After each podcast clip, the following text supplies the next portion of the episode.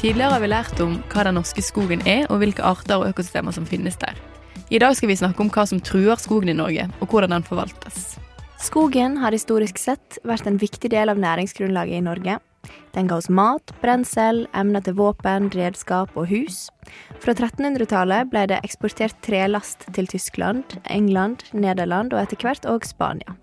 Den industrielle revolusjonen og innføring av sagbruk førte til ei vekst i næringa, men hva vet vi egentlig om skogbruk i Norge i dag, og er denne næringa bærekraftig? Jeg heter Sigrid. Og jeg heter Johanna, og med oss i studio i dag har vi Trude Myhre. Hun utdannet skogbiolog med en master i skogøkologi og sjeldne lav. Hun er ekspert på norsk skogvern, gammel naturskog og organismegruppen LAV. Um, og så jobber hun som seniorrådgiver i WWF, der hun jobber med norsk skogvern og bærekraftig skogbruk og skogvern på tvers av landegrensene. Så først, eh, vil du fortelle oss litt om skognæringens historie i Norge? Og liksom, ja, hvor viktig har den vært, og er den viktig i dag? Det kan jeg. Eh, dere var jo inne på det, at eh, Norge har vært en stor trelastnæring. Eh, vi har jo selvfølgelig brukt skogen så lenge vi har vært her i nord. Eh, og så lenge det har vært trær, så har vi jo brukt skogen. Men etter hvert, vi, etter hvert som vi blei flere folk, så ble jo skogen enda mer brukt. og fram til svartedauden så ble den jo mye brukt. Og så ble det litt, en liten dipp, da, da det ble færre mennesker på midten av 1300-tallet. Og så tok det seg jo veldig opp eh, på 1500-tallet, da den her eh, oppgangssaga kom, og man gikk fra å på en måte bare lage treprodukter med, med muskelkraft, da, til at man kunne bruke sag som ble drevet av elver. Og nesten alle elvene hadde en sånn type oppgangssag, da. Og da kom jo den her store trelasttida, der vi eksporterte til, til, mange europeiske land, særlig Nederland og Storbritannia. Og der eh, eh, man hogde mye og sendte ut av landet. Og, og trelast ble på en måte en, størst, en, veldig stor næring. Halvparten av skattegrunnlaget og inntektene til staten kom jo fra trelastindustrien på 1600-tallet. Så dette her var jo en kjempeindustri. Og så var det noen dipper eh, etter hvert som Storbritannia hadde sånn, et opplegg om at de la på ekstra toll fra de trelasteksportørene i Nord-Europa for å få Canada til å selge mer. Og da ble det en kjempedipp og masse konkurser i Norge. Og så tok det seg litt opp igjen, og så skjedde det en del på 1900-tallet, der eh, man fant ut at man hadde hogd altfor mye. Både naturvernere og skogbruksfolk fikk litt sånn eh, Slo litt alarm, da og da satte man jo i gang det her som man kaller for landskogstaksering. At man teller trærne for å finne ut hvor mange trær har vi, og hvor mye kan vi hogge hvert år. Og så fortsatte man jo fortsatt å hogge, og fram til 40-tallet, krig, eller rundt krigen, så starta man jo med det her såkalte bestandsskogbruket. Det med sånne store flathogster. Eh, der man tar alle trærne på en gang. Så det har på en måte vært det er kanskje de to største liksom, endringene for skogen i Norge har vært oppgangshaga, og så var det det her med bestandsskogbruk og flathogst, som har på en måte endra skogen og skogbruket voldsomt. Er det, liksom, er det flathogst som er mest vanlig i dag? Ja, fortsatt er det det. Så vi holder på på, på samme måte som fra liksom, krigen, at vi flathogger, og ta, da tas alle, alle trærne på en gang. Til motsetning fra plukkhogst, som man gjorde før. At man plukka ett og ett tre. Eh, det var ganske eh, påvirka skogen også eh, på slutten av 1800-tallet og starten av 1900-tallet. Men etter krigen og etter at man starta med flathogst, så har det blitt enda mye verre, da. Og sånn holder vi jo på fortsatt. Vi hogger fortsatt de siste restene av den gamle naturskogen. Det bitte lille som er igjen av gammel skog som, som har de trua artene, og de har gamle trær og døde trær, som disse artene er helt avhengig av for å overleve. For det er jo rett og slett grunnen til at vi har så mange utrydningstrua arter i Norge i dag, i skogen. Det er jo rett og slett at vi flathogger og planter gran på nytt. Sånn at vi ikke får gamle og døde trær da, som disse artene er helt avhengige av. Både for å spise og for å bo, da.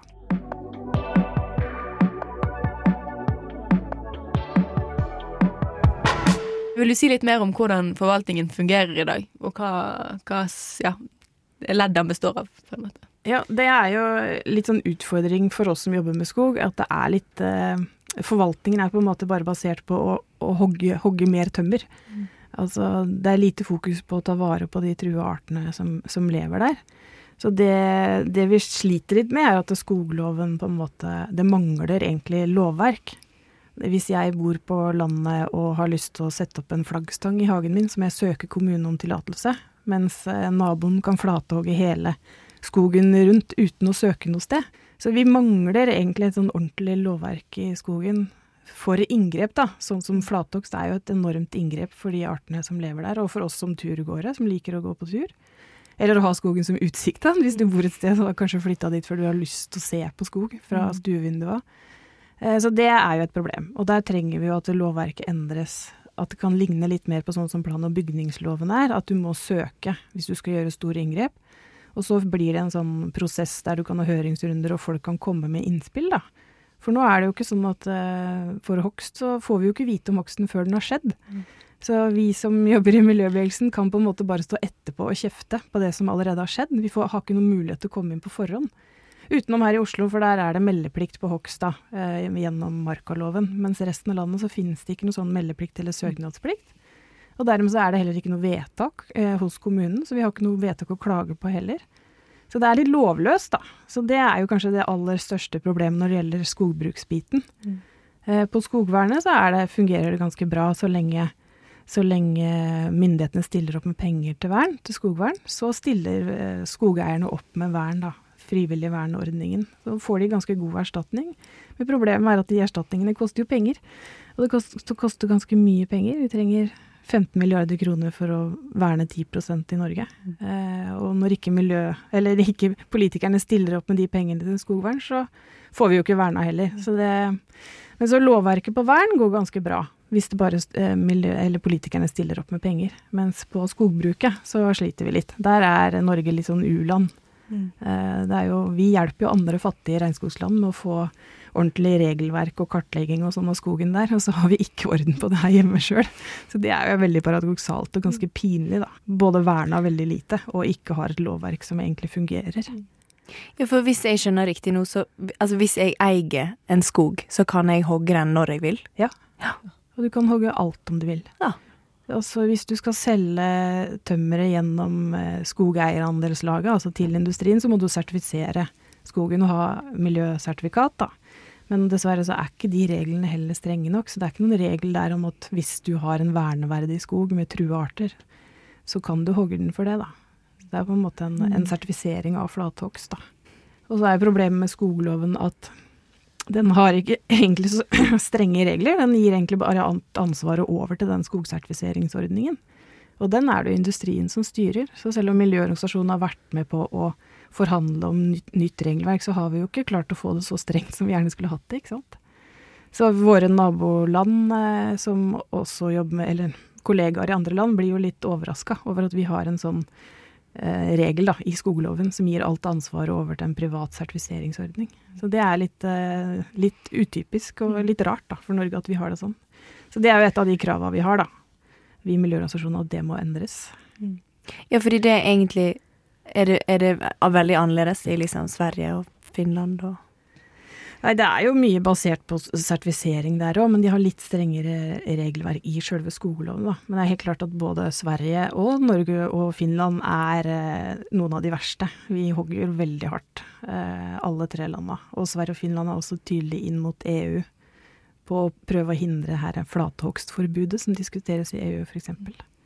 Men der er også foreningene i Norge egne representanter som jobber mot eh, i, i, EU. Så det der er jo en veldig veldig interessant debatt. Men jeg tenker at ting er jo litt på vei Jeg, jeg føler at ting er litt på vei til å endre seg. For bare det at EU At man diskuterer et forbud mot flathogst i EU, har gjort noe med debatten her hjemme også. Nå kan vi på en måte snakke om flathogstforbud uten å bli latterliggjort. Og det tenker jeg det er jo eh, et framskritt. Mm. Eh, vi som har snakka om sånne ting før, har jo på en måte bare ikke blitt hørt på.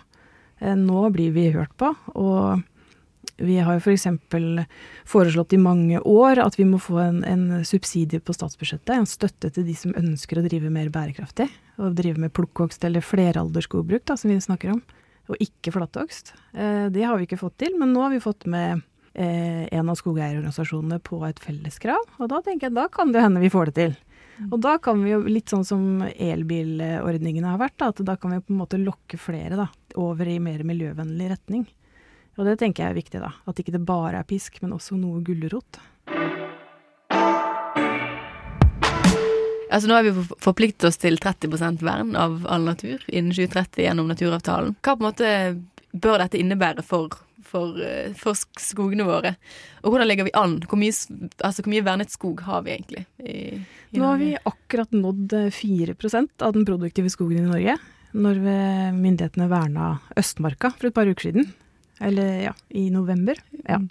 Så nådde vi 4 Eh, vern i Norge av skog. Produktiv skog? Ja, det, produktiv skog. ja, det vil si altså skogen som er eh, på en måte har nok trær til at det lønner seg å hente ut tømmer mm. gjennom tømmerproduksjon, da. Eh, og for at vi skal ha på en måte et eh, representativt skogvern, så må man ha verna 10% av den produktive skogen. Mm. Og der har vi bare nådd 4% foreløpig. Så skal vi opp i 30% så er vi jo veldig, veldig, veldig langt unna, da. Så det vi snakker om på, på, skog, er jo at vi i hvert fall må ha 10% som skal være strengt vern, mm. som naturreservat og nasjonalpark, som er de to strengeste verneformene. Og så tenker jeg jo Det her har jo ingen bestemt, men så kan man jo kanskje finne Ja, det, det er jo litt opp til forskerne, da. Hva skal den 30 inneholde? Eh, skal det være liksom bare strengt vern, som nasjonalpark og naturreservat, eller skal det være andre typer også vern? Og bevaring da, som kan telle med den 30 -prosenten. Og Det tipper jeg kommer til å bli en ganske hard kamp mellom de som har lyst til å hogge og de som har lyst til at skogen skal stå. Eh, men foreløpig så har Stortinget bestemt at 10% skal vernes da, eh, som naturreservat eller nasjonalpark. Så det er jo på en måte allerede bestemt. Og skal vi klare å nå 10% så må vi faktisk restaurere skog, mm. tror vi. Vi har så lite igjen av den eldste skogen. Det er så lite gammel skog igjen at uh, for å få 10% så må vi sannsynligvis restaurere skog. Ja. Så alt vi har av det, den siste resten av gammel naturskog, det må vernes, egentlig.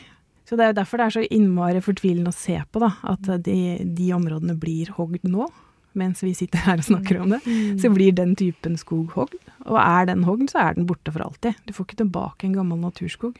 Eh, og det verste er jo at den blir jo hogd med støtte fra staten. Mm. Landbruksdepartementet har jo millioner av kroner på budsjettet hvert år. Både for å bygge skogsbilveier inn i disse områdene som har fått lov å stå i fred, og for å hogge i f.eks. bratt terreng, da. Og da sponser jo på en måte Landbruksdepartementet hogst av en type skog som ellers ville stått i fred, mm. hvis ikke de hadde kommet med den støtten. Så det er jo veldig paradoksalt at vi i Norge bruker penger på rett og slett å hogge ned Landbruksdepartementet bruker penger på å hogge ned den skogen som Miljødepartementet ikke har råd til å verne. Det er jo et vanvittig paradoks. Mm.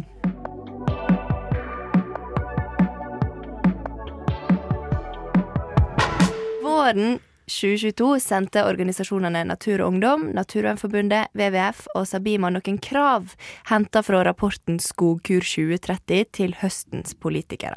Disse var økt skogvernbudsjett, hogststopp i gammelskogen, kutt av miljøskadelige skogbrukssubsidier, kartfesting av gammelskogen og meldeplikt på hogst. Vil du forklare eh, disse kravene litt kort? Mm. Det første er jo kanskje det aller, aller viktigste. Det at vi må øke skogvernbudsjettet.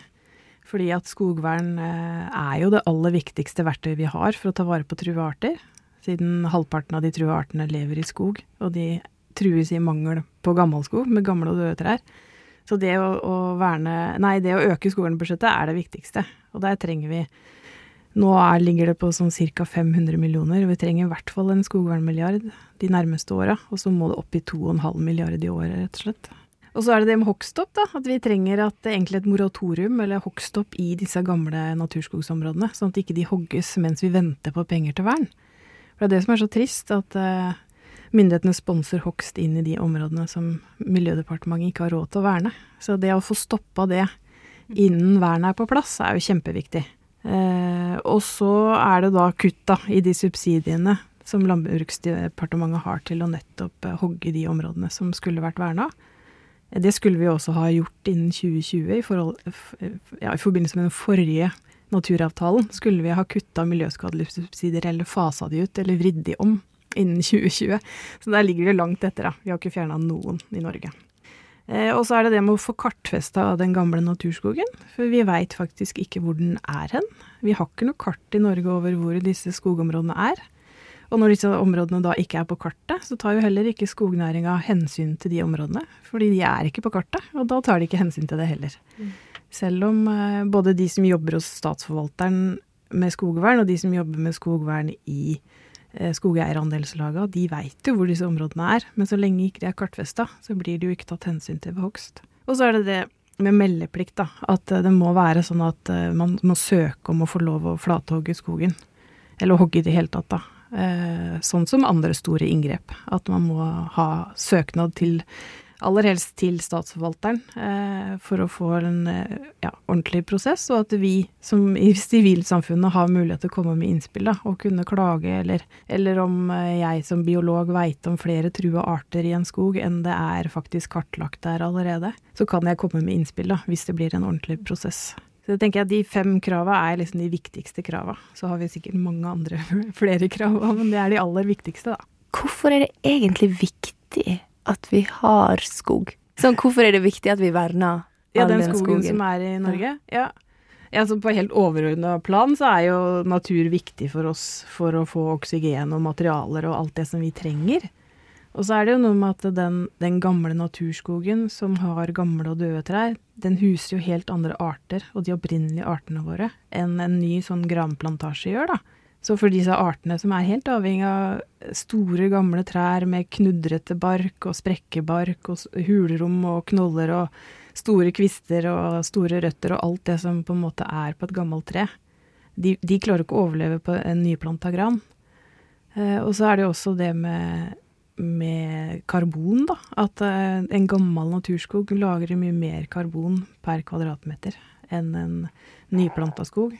Nyplanta små granspirer vil jo aldri kunne klare å fange inn så mye karbon som et stort, gammelt tre gjør. Så når uh, skognæringa sier at det beste for skogen, eller det beste for miljøet er å hogge skog, så er jo ikke det sant. Det beste for klimaet er jo å la skogen stå. Det var jo det Jens Stoltenberg sa for noen år siden da, vi, da han introduserte de regnskogsmilliardene, at det enkleste klimatiltaket er å la trærne stå. Eller å la være å hogge, var det han sa. Og det gjelder jo i høyeste grad her i nord òg. Det er mer karbon lagra per kvadratmeter i skogene våre her i nord enn det er i tropisk skog. Så vi burde jo kunne klare det samme. Vi bruker jo tre milliarder i utlandet hvert år for å verne skog. Vi burde jo klare det samme her hjemme. Og så tenker jeg skogen er viktig for oss mennesker, ikke bare fordi at det er trua arter der, men også for at vi liker å gå tur i skog.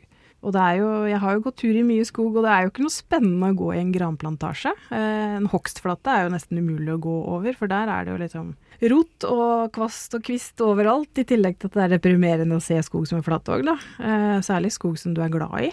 Eh, og så er det jo ja, det å gå i et plantefelt der trærne De er planta veldig tett, gjerne. Nå får man jo ekstra tilskudd til å plante ekstra tett, fordi det liksom skal være et miljøtiltak, da.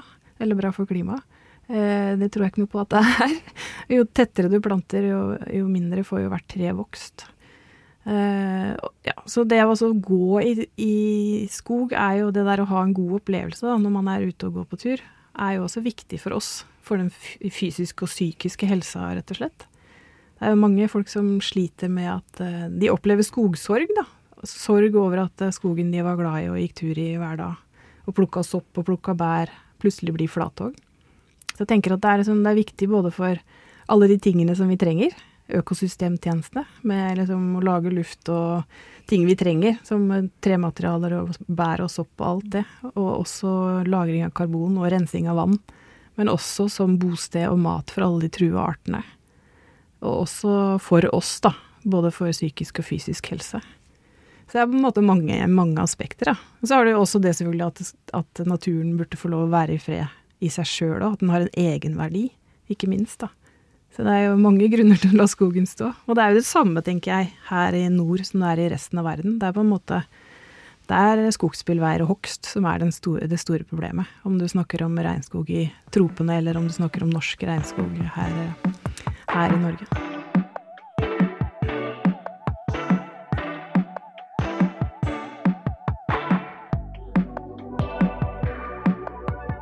Du har hørt en episode av Pudgepodden.